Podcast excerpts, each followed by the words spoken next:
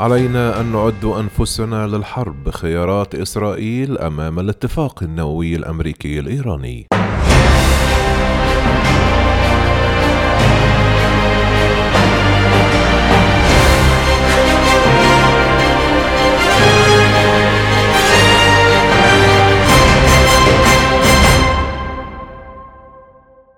في وقت تنتشر فيه تسريبات عن بدء محادثات هادئة بين إدارة الرئيس الأمريكي جو بايدن وإيران بشأن العودة للاتفاق النووي تسعى إسرائيل بحث خياراتها تجاه هذا الملف دون استبعاد خيار المواجهة. ووفقا لصحيفة تايم اوف اسرائيل فإن التقارير التي سربتها قناة 12 الإسرائيلية بشأن محادثات الإدارة الأمريكية الجديدة مع الجانب الإيراني تشير إلى أن رئيس الوزراء بنيامين نتنياهو يتجه نحو المواجهة حال لم تسمع واشنطن مخاوف إسرائيل بالعودة للاتفاقية المبرمة من عام 2015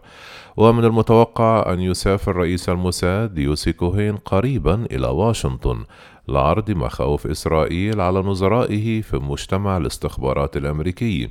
ويقدم لإدارة بايدن جميع المعلومات التي جمعتها إسرائيل حول التقدم في البرنامج النووي الإيراني المارق وأشارت الصحيفة الإسرائيلية إلى أن الحليفان يشتركان في هدف واحد وهو منع إيران من امتلاك سلاح نووي لكنهما يختلفان في كيفية الوصول إلى هذا الهدف. وانسحبت الولايات المتحدة من الاتفاق النووي الموقع في عهد الرئيس باراك أوباما من جانب واحد في عام 2018 مما دفع إيران لخرق الاتفاقية تدريجيا وصولا لإعلانها الأخير بشأن رفع نسبة تخصيب اليورانيوم إلى أكثر من 20%. في الأسبوع الماضي قال وزير الخارجية الأمريكي أنتوني بلينكين أن الإدارة الجديدة مستعدة للعودة للاتفاق النووي شرط أن تفي طهران بالتزاماتها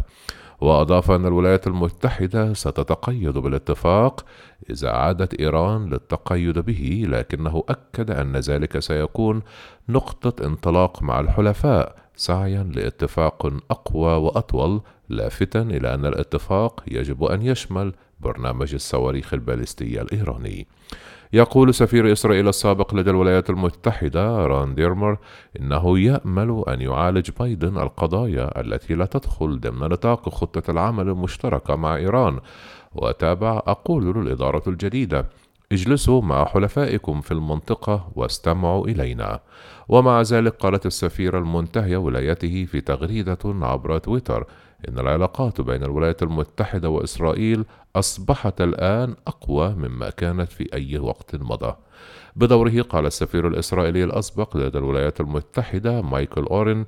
إن بلاده لم تكن مخطئة في اعتبار عرض إدارة بايدن غير صادق إذا اتخذ البيت الأبيض قراره بالفعل بشأن العودة لخطة العمل المشتركة.